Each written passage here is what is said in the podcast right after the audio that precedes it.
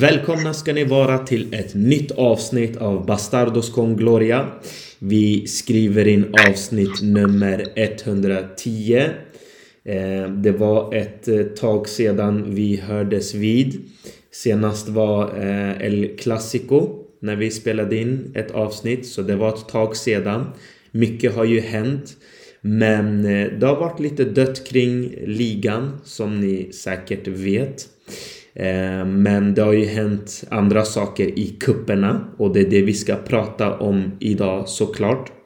Med mig har jag såklart Bergarinho. Läget med dig Bergar? Jo men tack Meran, det är bra med mig faktiskt. Um, det var länge sedan vi satt och mm. snackade lite fotboll känner jag också. Uh, kanske en viss mättnad efter den här El Clasico-matchen. Uh, Precis. Eh, men eh, kul att eh, vi är tillbaka. Mm, verkligen. Solen har börjat skina. Nu har det varit lite regn idag och imorgon men sen är det tillbaka till det fina vädret. Så det är goda tider förhoppningsvis framför oss och vi kan ju kort nämna vi ska ju prata mycket om City såklart men vi kan ju kort nämna att Real Madrid vann ju Copa del Rey mot Osasuna. Eh, och eh, det var ju en ganska efterlängtad eh, Copa del Rey-titel. Och jag har ju alltid sagt det, Berger, i många år när du och jag har pratat att vad skönt att kunna vinna ändå en titel även om resten av, eh, vad säger man, tävlingarna eller ja, ligan. Är, ja, precis. Om det, även om det blir kört eller Champions League. Man har i alla fall en Copa del Rey-titel att sitta på. Eh, ja. Och eh, vinner man mot Barcelona med 4-0 på vägen dessutom så är det ändå någonting eh, att vara glad över. Vad säger du om kort bara om Copa del Rey-titeln? Mm, jo men absolut. Eh, visst, alltså själva matchen i sig mot Osasuna kanske ingen höjdare till final men eh, om, om vi summerar ihop eh, turneringen att man slår ut Villarreal borta, man slår ut Atletico Madrid och man manglar Barca med 0-4 eh, på Camp Nou. Det i sig eh, gör det hela mer eh, smakfullt om jag säger så, eller betydelsefullt för, för Real Madrid. Sedan var det också tio år sedan i princip eh, sist Real vann den turneringen så det var viktigt. Det var verkligen viktigt att, att kunna ta verkligen. den titeln. Och det var också den titeln som saknades ifrån eh, den här nya Ancelotti-eran och det var också den titeln som saknades från Zidans era också. Så att man har verkligen, tro eller ej, längtat lite efter den här enkla Copa del Rey-titeln som Real har haft svårt att kunna motiveras till eller eller att, um, att, att kunna hantera i, i, i samband med ligaspel och uh, Champions League. Mm. Verkligen. Ja, men du satte verkligen uh, här allting helt rätt. Jag håller med. Uh, det, det är skönt att det äntligen eh, blev en titel efter så många år. Och ehm, det är också skönt för vissa av spelarna eh, tänker på Tony Kroos till exempel, att han äntligen får vinna den eh, på plan. Eh, ja, bara en sån sak, precis. Ja, det är han har vunnit liksom samtliga titlar som går att vinna förutom en Copa del Rey. Precis. Så det, var, det, det hade stor betydelse mm. eh, i sig, just eh, det vi var inne på. Mm, precis. Det är, det är lite speciellt när Real Madrid gör det, så är det. Jag håller med. Ja, absolut. Det gör det. Jag, jag, jag, brukar själv säga att Copa del Rey är inte en stor titel. Mm. Uh, jag brukar kalla den och Supercupen för Kalle Anka-titlarna som man uh, kan plocka. Men däremot så kan den också sättas i i, liksom, i sammanhang. Mm. Eh, och de två senaste gångerna Real vann den, det var, bägge gångerna var det mot Barca i final. Eh, så det blev en stor grej bara där. Och nu att man gick via Atletico och Barca och ändå Precis. och vann den. Så det, och att det var länge sedan som sagt. Eh, så jag hoppas ju på att man ändå kan plocka in den här titeln om inte varje år i alla fall, varannat eller var tredje minst. Det får inte gå så pass lång tid innan eh, mm. Real vinner en Copa del Rey-titel. Precis. Ja, men det är det jag tänkte säga också. Alltså, en annan grej är ju också att Real Madrid måste börja nu eh, plocka på sig lite fler inhemska titlar om man ser till bara perioden de senaste åren. I klubbens historia har man ju väldigt många inhemska titlar, mest av alla lag. Men på senare år så har man försummat det lite och då är det skönt att eh, man eh, börjar igen och som du säger det borde vara egentligen en standard att man åtminstone vinner en varannat eller var tredje år. Jag håller faktiskt med dig. Eh, men kul i alla fall att Real Madrid vann. Och fin inramning tycker jag tycker var häftigt att se. Eh, men vi ska såklart börja gå vidare till det stora som är framför oss. Det är ju det andra returmötet mot Manchester City. Eh, både du och jag eh, ville se lite hur det går i första innan vi yttrar oss. För det var väldigt svårt att avgöra vart man hade båda Eh, lagen. Vi vet ju att båda är väldigt bra men man vet aldrig. Det är Champions League. Och det första mötet slutade då 1-1. Ett, ett, eh, eh, en bra prestation från grabbarna helt enkelt får man väl ändå säga när man möter City. Och nu ska man spela så returmötet då. Och min fråga just nu till dig Bergar är inför alla presskonferenser alla år så säger alltid tränare och spelare eh, motivation är det sista som eh, vi pratar om. Om man inte är motiverad, säger Ancelotti i presskonferensen, då ska man inte spela fotboll. Och jag håller med honom. Det är skönt att eh, spelare och tränare tar alltid upp det, för jag håller verkligen med. Om man inte kan motivera sig till vissa typer av matcher, då ska man inte spela fotboll. Så om vi tar bort just motivationen, vad mer eh, tror du behövs hos spelarna för att det här ska gå hem? Eh, väldigt, väldigt bra fråga. Mm. Eh, som du var inne på så möter man ju Manchester City och, och just nu eventuellt världens bästa och kompletta lag. Eh, man behöver allt för att kunna slå dem. Men förutom motivation så tänker jag att man behöver liksom visa karaktär. Alltså man behöver visa, eh, man behöver visa mod. Mm. Eh, man behöver visa eh, liksom att vi är Real Madrid. Eh, så det är de sakerna som spelarna på plan måste liksom implementera och verkligen visa imorgon. Eh, man kunde se det eh, i första mötet eh, men imorgon så är det viktigt att det verkligen kommer fram till en nivå till. Mm. Och som du själv var inne på, vi båda två var ju liksom så här, oj, undrar hur matchen kommer att gå, hur det ser ut. Och det såg man ju i första mötet. Jag tror att både City och Real Madrid kände på varandra i första mötet för att ingen av dem visste hur, hur det skulle gå. Precis. Eh, så att, eh, nej men jag, jag, skulle säga i alla fall eh, karaktär och, och, och, lite så här att, att man vågar och det gör ju Real Madrid i de här matcherna. De fegar inte. Eh, och med karaktär menar jag liksom, då vill jag se Karims ledaregenskaper. Jag vill se Luka Modric, liksom rutin och erfarenhet, Toni Kroos och så vidare och så vidare. Mm, mm. Verkligen, jag håller med. Eh, och det är lite vad det som eh, Eh, jag var faktiskt, eh, eller så här, vi sitter ju inte på några svar. Men vad jag menar bara är att eh, det är helt rätt det du säger. De här spelarna måste visa karaktär, mod, våga och inte liksom gömma undan sig eller tycka att den här uppgiften blir för stor. För då helt plötsligt gör man såna här dumdristiga misstag Eh, och kanske gömmer undan sig. Man är inte riktigt bekväm i vad man ska göra och eh, då blir det så bara att City kommer totalt köra över eh, Real Madrid. Om det skulle bli så att man tappar fokus, man är inte riktigt där, man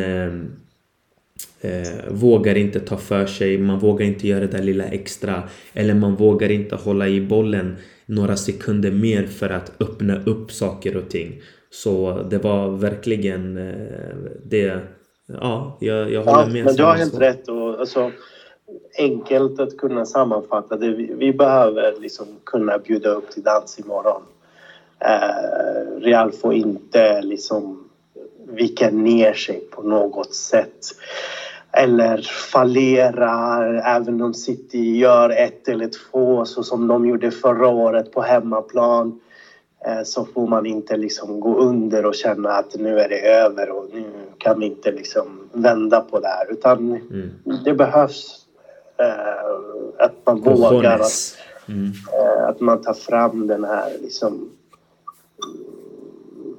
den karaktären som, som Ancelotti, dels Zidane tidigare och så vidare har liksom byggt upp i det här laget. Mm. Eh, och vi såg ju från första mötet att eh, Real Madrid, de får inte panik eller de stressas inte av att Manchester City har bollen och rullar precis utanför deras straffområde. Och det, är, ju precis det eh, där man bara visar att ja, men, kom igen nu, vad har ni, vad har ni, vad har ni eh, att erbjuda? Vad, vad kan ni ge oss? Uh, låt, låt oss lida lite grann, lite sådär.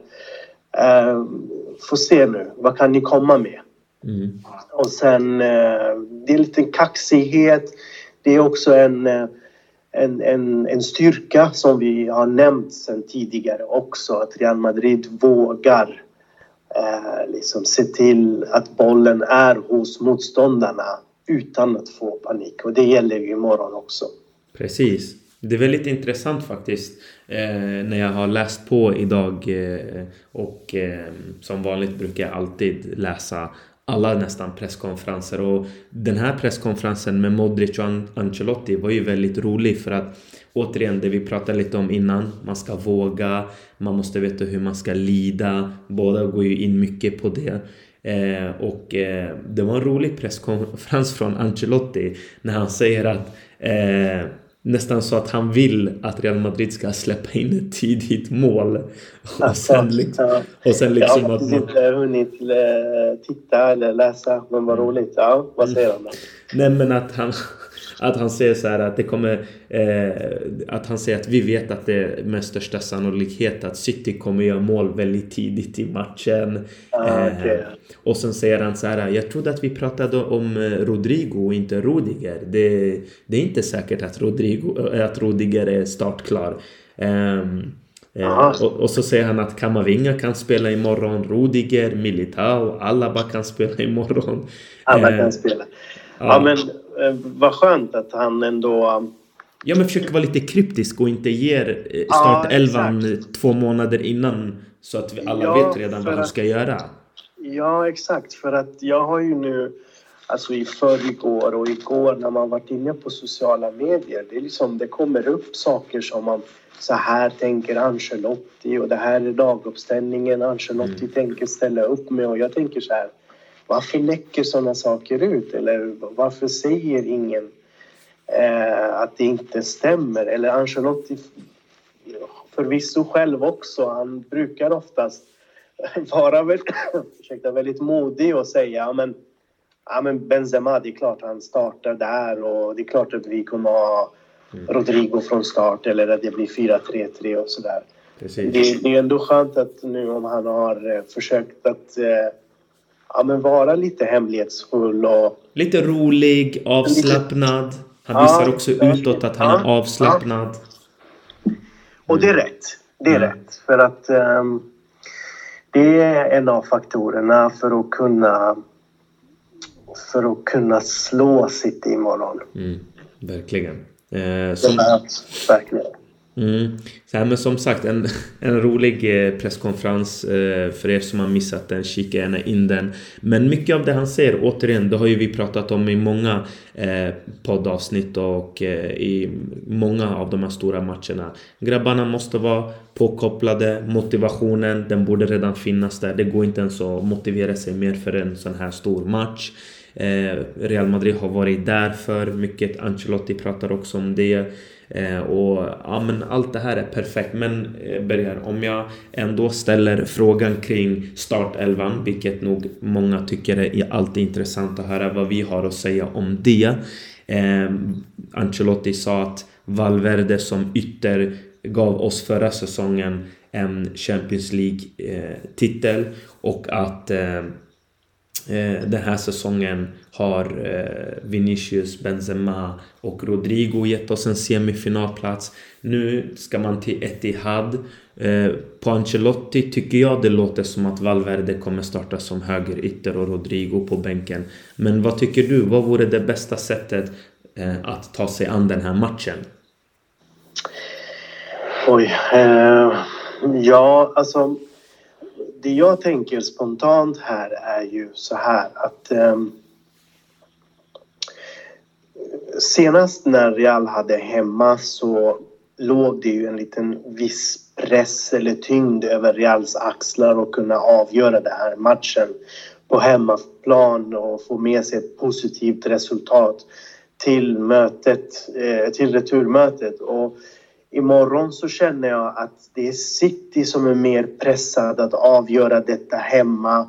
Mm. Eh, så som Real gjorde förra säsongen. Och det kan skapa nerver och det kan skapa låsningar för Man City. Vi har sett det tidigare.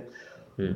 Och skulle det vara så att han startar med Valverde på högerkanten innebär ju att det blir en mer kompakt Real Madrid mm. eh, som förvisso kan försvara sig, kan få matchen dit de vill och eventuellt ha med sig ett liksom 0-0 resultat eller det, det kan ju förvisso dyka upp ett, en, ett läge så som det gjorde senast då det smäller för Real och det blir mål. Men men att ju längre matchen pågår och, och City inte har kunnat få in liksom det de behöver, det vill säga minst två mål för att kunna känna sig säkra så är det inte en dum idé för då kan han kasta in Rodrigo och ha eh, en spelare som kan ändra lite på rytmen. För sist så kände jag att när Real Madrid var i de sista tio minuterna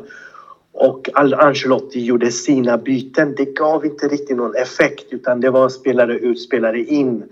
Um, så att, och vi vet att Rodrigo är en supersub också som kan förändra och att han också ger um, en annan typ av anfallsspel i jämförelse med Valverde. Så det, är inte, det är inte dumt faktiskt. Jag, jag skulle nog uh, ha startat med med Valverde på högerkanten. En del av mig kanske känner att ah, det är lite fegt och vi ska köra och gå in för det direkt från start men det behöver inte vara så. Nej, verkligen inte. Jag tycker precis som dig. Jag tycker Valverde ska starta. Jag älskar verkligen Rodrigo och han förtjänar också att starta. Så om han startar eh, då är inte den här typiska supporten. Varför startar han inte den här? Utan man förstår ju också att Rodrigo har haft en fantastisk säsong. Han har varit grym. Han har liksom levererat. Han är eh, Eh, fantastisk att hålla i bollen och när han får det här utrymmet att driva in centralt, hålla i bollen, eh, kombinera med Benzema och Vinicius. Då vilket lag som helst i världen får problem. Men i en sån här match borta på Etihad där de är otroligt starka City. Jag vet inte ens om de har förlorat den här säsongen på Etihad. Eh, och vi vet också att Real Madrid har tidigare haft lite tufft mot City på just bortaplan. Eh, då behövs det att man i början av matchen ser till så att City, om de rullar boll, att de inte får rulla bollen i farliga ytor så att Real Madrid hamnar i någon slags gungning utan att man verkligen får det här lugnet till början och sen skulle det vara att City till och med gör ett mål lite senare i matchen. Ingen fara. Real Madrid, som du säger, kan då reparera, kan reagera och det gör man väldigt bra under Ancelotti måste jag säga. Det som är lite nackdel det här året, det har ju varit att man har reagerat ibland för sent eller man reagerar och så hinner man liksom inte ikapp. Men just i en sån här match så tror jag att om City skulle göra första målet så kan Real Madrid ändå hinna reagera, hinna agera. Och det pratar Ancelotti också själv om. Så jag tycker att den absolut bästa elvan är Alaba till vänster, Carvajal till höger, Rudiger och Militao. Och sen eh, skulle jag spela faktiskt Kamavinga på mittfältet. Jag vill se gärna Kamma på mittfältet. Eh, jag satt och funderade lite på vänsterbackspositionen. Det är lite synd att varken Mendy eller Nacho är i form. Eh, båda har ju varit lite eh, ur form. Mendy har varit borta i nästan två månader. Eh, jag hade gärna velat se Kamavinga på mittfältet för jag tror att många sitter och fokuserar på vad kommer Haaland och De Bruyne göra. Jag ser istället en Gündogan som är otroligt formstark. Gjorde senast två mål mot Everton. Eh, och där skulle jag vilja se en liten mer störning hos City. Att de inte får lika mycket med boll och att Gündogan inte får chansen att styra tempot, hitta de här eh, ytorna och eh, kunna eventuellt själv kunna göra ett mål. För man glömmer bort honom eh, när de här andra spelarna är upptagna eller markerade. Då får han jättemycket utrymme. Och här är en Kamavinga som kan både försvara och vinna boll. Jätteduktig på att vinna boll i duellerna. Och tar bollen och kan föra den vidare. Jag tror att det kan bli en, en ett väldigt bra faktiskt eh, recept för eh, Real Madrid. Mm. Ja, men precis. Ehm, det, det, är en, eh, det är lite huvudvärk för Ancelotti att kunna um, Verkligen. pussla ihop där, den här elvan. För det finns ju också andra faktorer att tänka på. Det är till exempel Militao och Alaba som mittbackar ihop mm. har fungerat riktigt bra.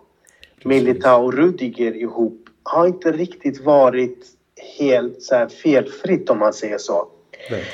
Ehm, så det är också en sak att tänka på om, om, om Alaba ska spela mittback tillsammans med Militao och bänka Rudiger som senare får komma in eh, beroende på, på hur liksom, matchbilden ser ut. Eh, och, och Kamavinga i sin tur har varit riktigt bra som vänsterback, varit riktigt fin som defensiv mittfältare också.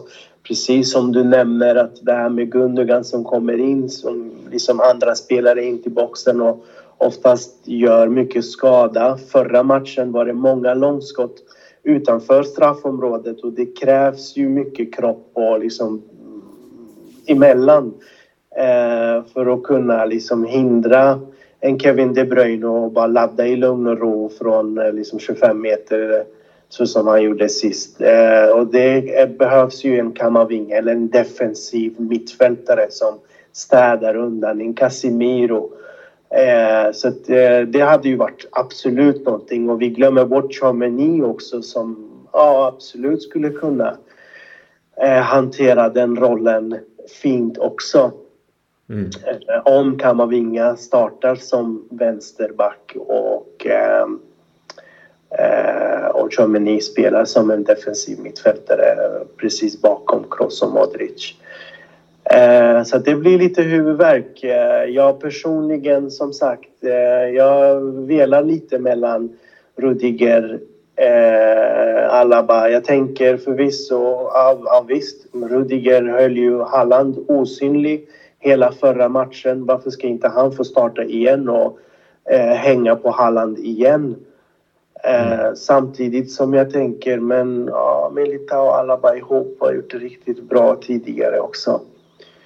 Um, mm, så det blir, det, blir, det blir väldigt intressant. Verkligen. Det... Jag, jag, vill lyfta i det här också. Det är att jag var inne på Halland. Alltså, jag vet inte riktigt om City har en växel till från av det vi såg på Bernabéu.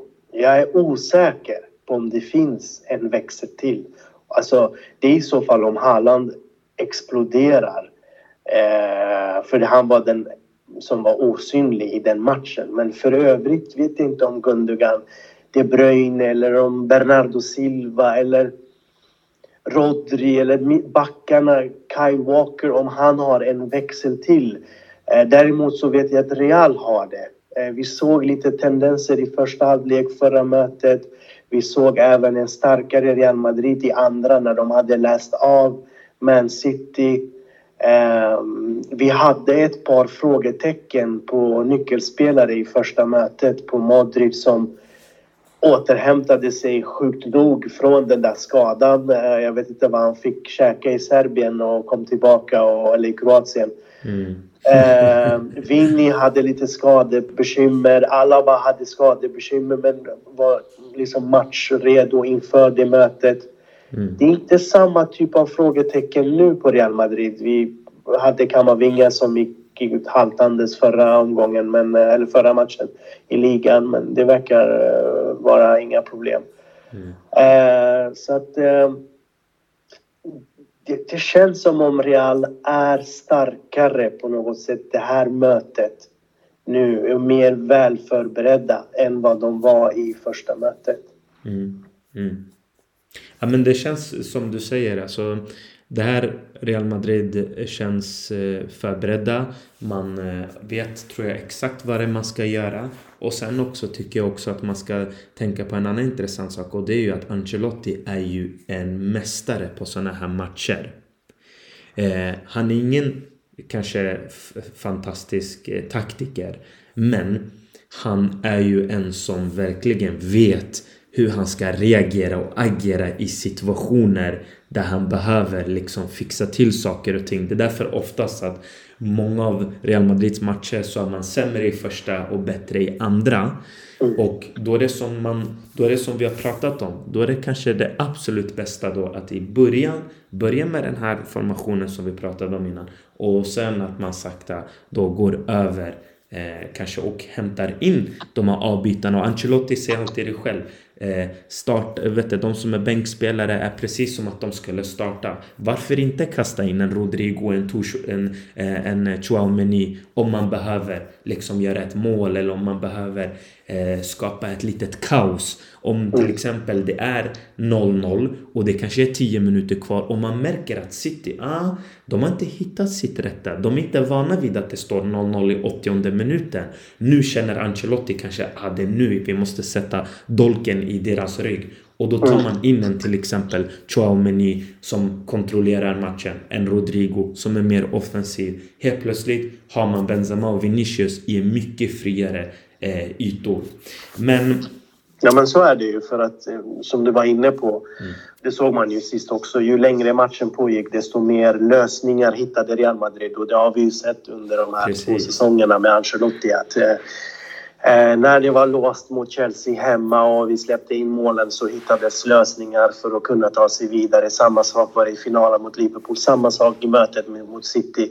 Mm förra året och, och liksom alla andra matcher. Vi mötte ju Barca ett par gånger och fick stryk och sen ju mer det pågick så hittade jag lösningar och mm. kunde liksom enkelt slå dem. Så att eh, eh, ja, det, det är ju så. Så allt tyder ju på att, eh, på att han startar med en, med en mer defensiv elva eh, om man säger så, för att kunna läsa av om det är så att Guardiola eh, övertänker eller har en surprise för oss imorgon. För det, det, det tror jag också är en, en, en svaghet hos oss också, även om Guardiola har en tendens att övertänka vissa saker och det visar sig att det blir en, en, en liksom negativ effekt. Men skulle han spela på ett annat sätt än ja, vad Real Madrid faktiskt fråga det. Mm, jag tänkte exakt komma in på det och fråga dig. Mm. Tror mm. du att liksom Pep... För du vet, kommer du ihåg när, vi, när han mötte Sidan? Och då gjorde han en väldigt så här, eh, jag säger än idag, en väldigt smutsig taktik. Men den funkade. Och det var att man stod och passade i backlinjen och med Ederson. Kommer du ihåg det där? För att ah, luckra upp Real Madrid. Real Madrid var ju bestämda på att man skulle kontra eh, sönder City. Men eh, Guardiola var väldigt smart och kontrade genom tillbaka genom att han dödade tempot, väntade på att någon skulle få lite hybris och så gick man upp dumdristigt och sen stod ju varann för två fatala misstag på Etihad och det var liksom över. Men eh, där gjorde Pep en verkligen så här en, en smart grej. Eh, men frågan är liksom vad tror du kommer han att gå all in för han säger själv att han vill ha liksom en transition game. Alltså att det ska gå från den ena hållet till den andra. Och det kommer passa Real Madrid bäst. Eller tror du alltså liksom att framför fansen att han kan hålla lite tillbaka och spela det här spelet som han gjorde nu i första mötet? För jag tycker även där att det var lite det han försökte. Han, han var ganska cynisk tycker jag. Även om man ägde bollen. Det var inte City som gick framåt på något sätt. Det var väldigt kontrollerat. Jag tycker att många underskattar Pep den här säsongen och tror att han har spelat någon champagnefotboll.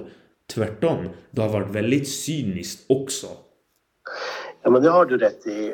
Um, han har ju de senaste åren varit, blivit mer flexibel och gått, jag ska inte säga helt från sina principer, men nej, nej. han har adderat andra liksom, aspekter Precis. i spelet som han tidigare själv inte trodde på eller mm. inte tyckte om när andra lag gjorde. Vi såg ju liksom hemmamatchen mot, mot Bayern eh, där City låg väldigt lågt. Eh, nästan i princip hela matchen och kunde genom de här snabba kontringarna via Halland och eh, via eh, De Bruynes fötter kunna ställa om och attackera ytor mer än vad de eh, gjorde tidigare. Eh, och du var inne på den här matchen mot, mot, mot Zidane också där City var avvaktande. Det var inte den här City som pressar högt och jag kommer ihåg att Gabriel Jesus spelade högerytter i den matchen. Det var så här, det var något konstigt. Han drog ner honom som en extra man på mittfältet och sådär.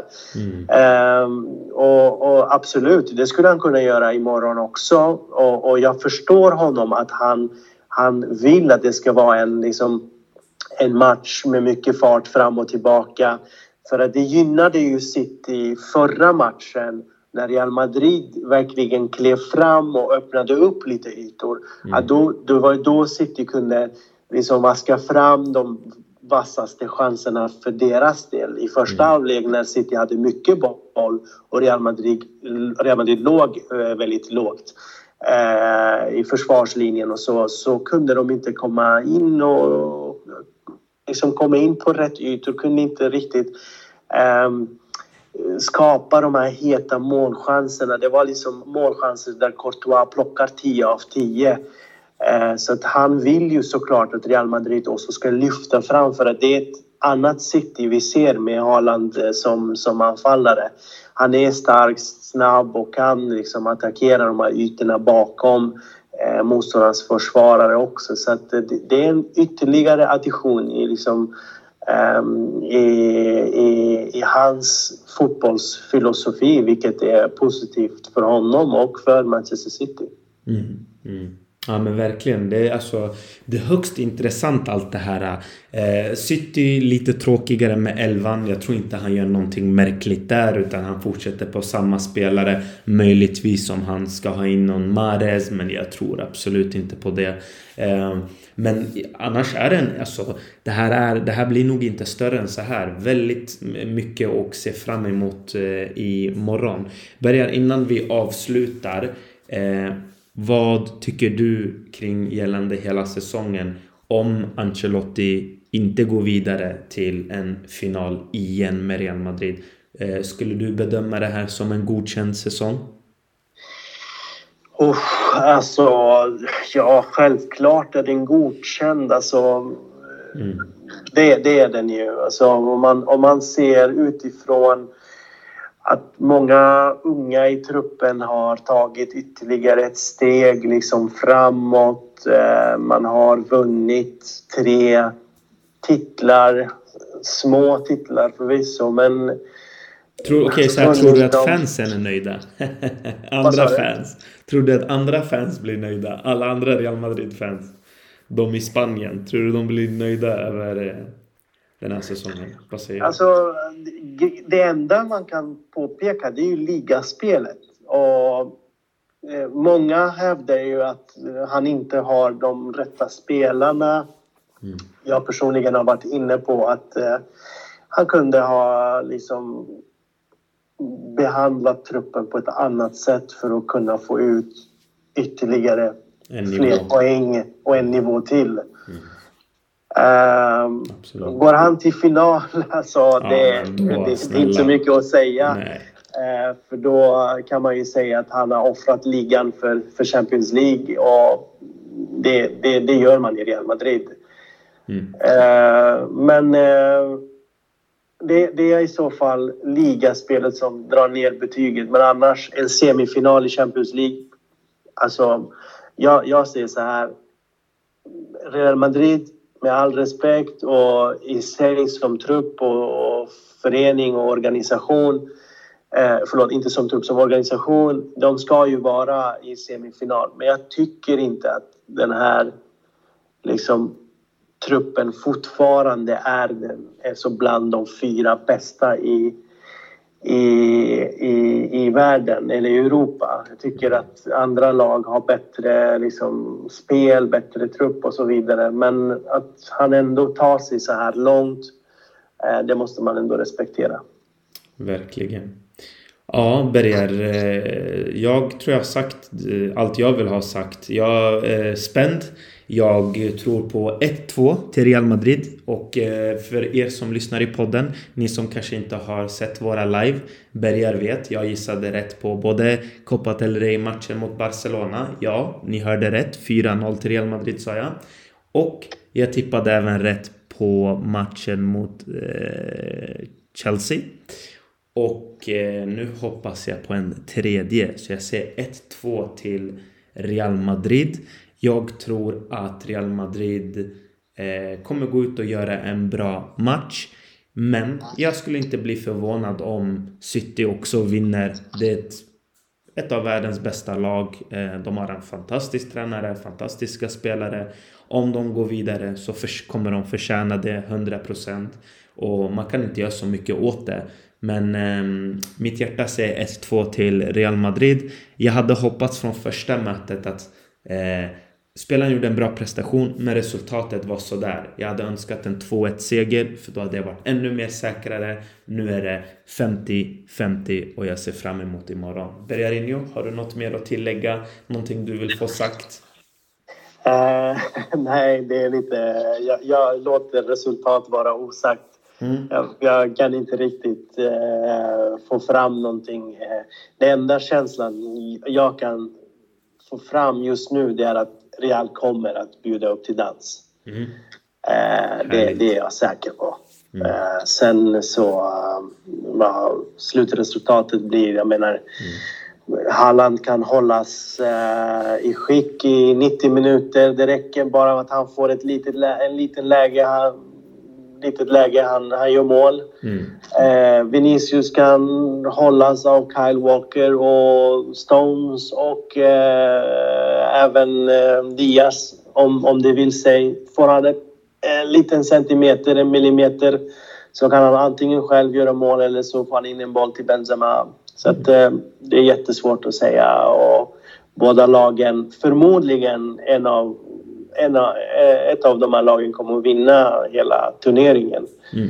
Eh, men jag skulle kunna avsluta med att säga 2022-2023 Champions League-final spelas imorgon på Etihad. Mm. I like that. I like that. Mm. Eh, jag tror vi ska avsluta där. Mycket bra avslutning, Bergar. eh, hörni, till er som lyssnar. Tack för att ni lyssnade den här gången. Eh, det var jättekul att köra en sån här, sånt här avsnitt eh, och fokusera på en match. Väldigt kul. Vi eh, pratade lite också om Copa del Rey-vinsten och ni kommer säkert också få höra av oss när vi summerar matchen mot City och hela säsongen.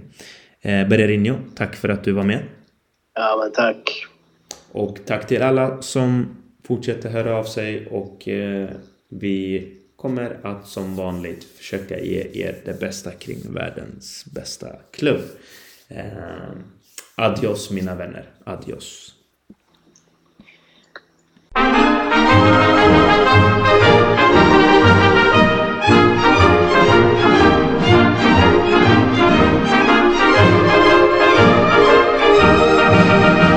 Las glorias deportivas campean por España. Va el Madrid con su bandera, limpia y blanca que no empaña. Club castizo y generoso, todo nervio y corazón Veteranos y noveles, veteranos y noveles miran siempre sus laureles con respeto y emoción. A la Madrid, a la Madrid, noble y bélico Atalid, caballero del honor. A la Madrid, a la Madrid, a triunfar en buena lid, defendiendo tu color. A la Madrid, a la Madrid, a la Madrid. A la Madrid, a la Madrid, noble y bélico Atalid, caballero del honor. A la Madrid.